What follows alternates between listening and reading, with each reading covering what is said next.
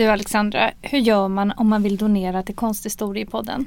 Jo, då går man in på vår Instagram-sida och så går man in på länk i bio och där finns det en knapp som heter Ge en slant till Konsthistoriepodden och den klickar man på.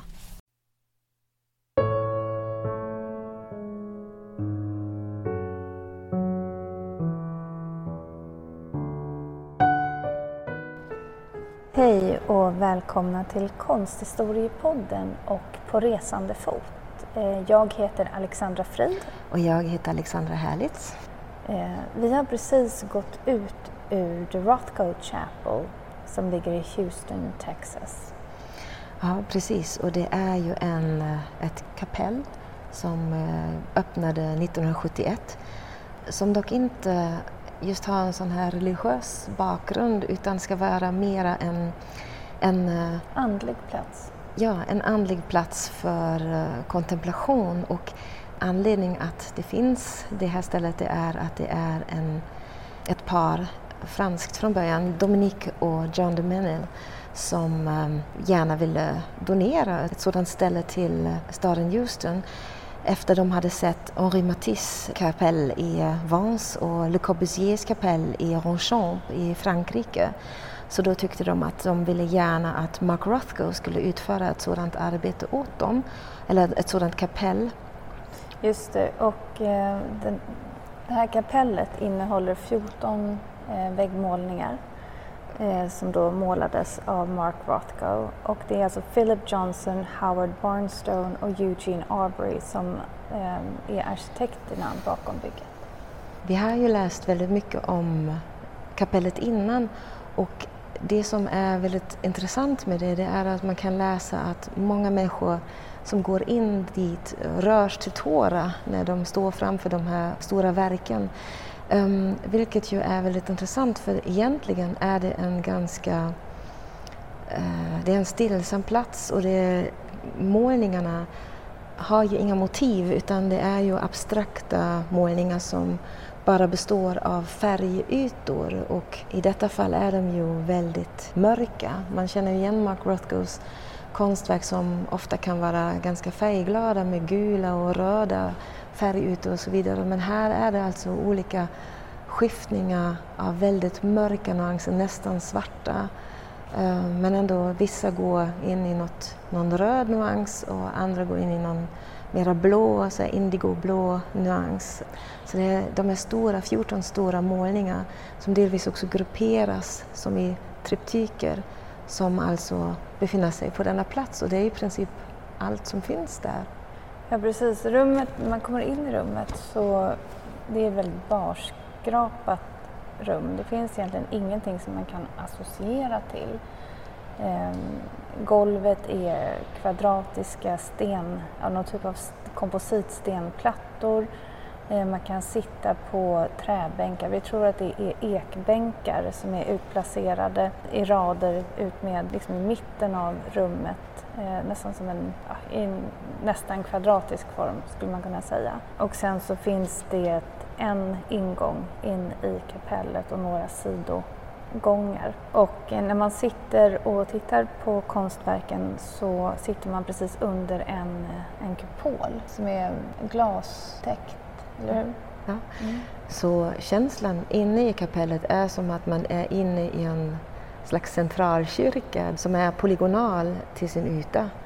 Och så är man alltså bara omgiven av de här 14 målningar som sitter runt om på väggarna. Och tystnaden som infinner sig i det här utrymmet är, eh, vad ska man säga, det är, jag tror att i alla fall när vi var där så, och vi var ju absolut inte ensamma, även om det inte var mycket folk så är det en, en, en, en otrolig tystnad som är i, i det där kapellet. Och människor sitter verkligen och, och mediterar och tänker och kanske ber. Men som sagt var, det är inte riktat mot en religion. Men man kunde se att de människorna som var där, och vi också såklart, att man blir väldigt berörd. För det just när man tittar på Mark Rothko, eh, traditionellt sett så brukar man ju prata om hans Det finns ju landskapsmåleri, men man brukar klassificera hans måleri som att det är landskap av själen ungefär. Och det kanske blir än mer tydligare här, att man blir konfronterad av det här mörka och vad man ska göra med det. Ehm. Ja, um, just det, det var ju några mm. som satt också på kuddar på golvet som var utplacerade. Uh, Eh, verkligen såg ut som att de mediterade.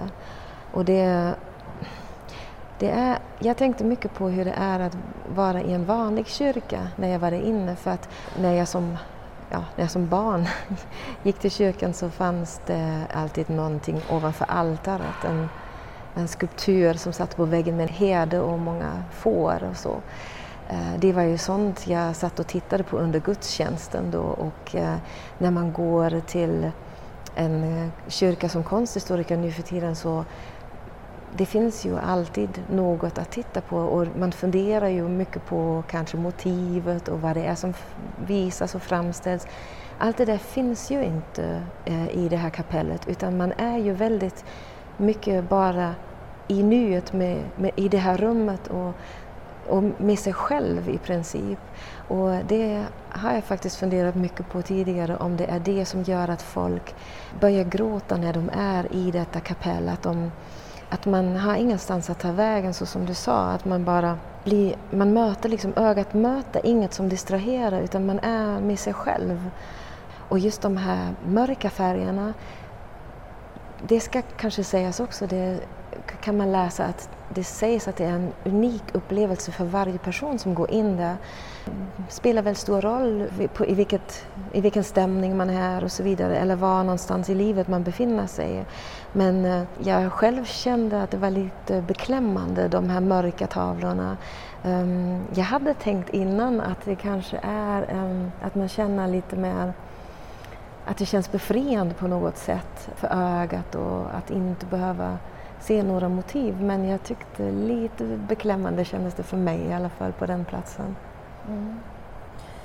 Ja och sen så, det är ju abstrakta målningar men ändå så kan man se i vissa av panelerna att eh, det är, alltså så som färgen är pålagd så är det med olika transparent, transparens givetvis men i vissa av de här så påminner det nästan om om eh, asiatisk landskapsmåleri, alltså med de här skira lagren av färg. Även om det handlar om svartlila och mörk, mörk lila och, och, och svart.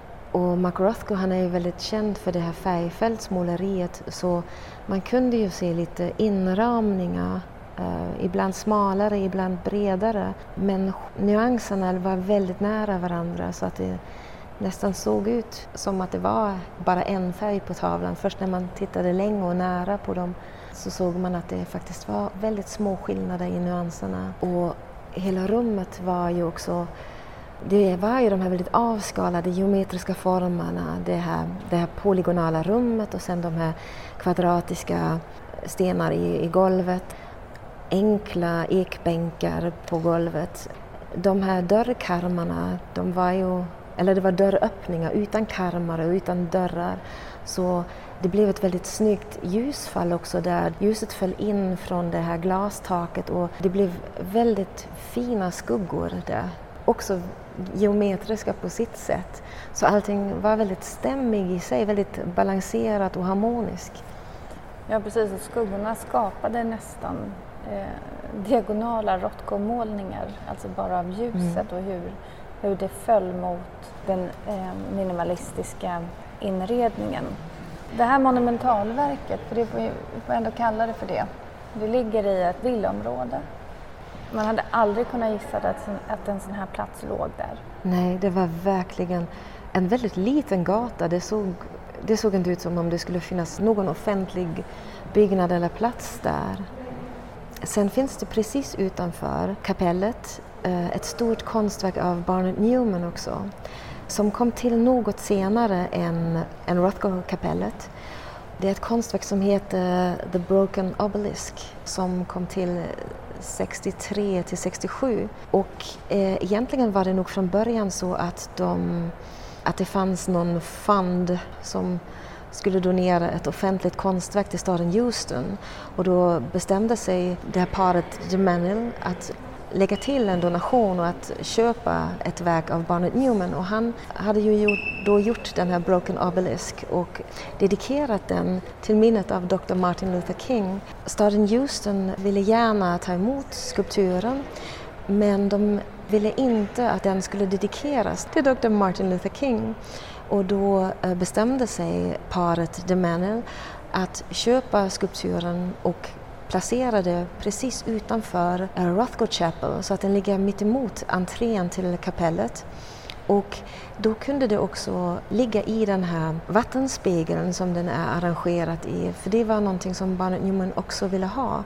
Att, det skulle, att vattenytan skulle reflektera det här konstverket som annars är ju också väldigt geometriska, enkla former. Och hela det här, den här installationen tillsammans med Mark Rothko-kapellet skulle då alltså vara en, vad de skrev, uh, a call to action for social justice. Det känner man verkligen att det är. Något som är väldigt ledsamt när man tänker på att eh, är att Mark Rothko tog ju livet av sig 1970 och han fick alltså aldrig se de här panelerna installerade i det här kapellet. Det här kapellet öppnade 1971 och bara några år senare så dog också John Menil 1973 eh, tror jag att det är. Men det är en upplevelse utan dess like. Det är det verkligen. Ja, det, det, det, tar alltid tid att smälta de här upplevelserna och det är lite, det händer så mycket så under den här resan som vi har som vi pratar om mycket, att man, det blir svårare och svårare att ta in allt så det kommer också ta ett tag att smälta alla de här intrycken. För de här olika platserna vi har varit på är så väldigt olika i, sin, i, sin, i sitt tempo, i, eh, i landskap, i hur städerna fungerar och så vidare. Så det, det, jag tror man måste nog sortera de här upplevelserna i efterhand för det finns inte riktigt utrymme för. Nej, precis. Ja, nu ska vi bege oss ut, eller fortsätta här i den 40-gradiga hettan i Houston. Eh, nästa sak vi har på agendan är The Fine Arts Museum i Houston. Ja, en väldigt stor och fin samling så det ser jag verkligen fram emot. Vi hörs om ett tag. Det gör vi.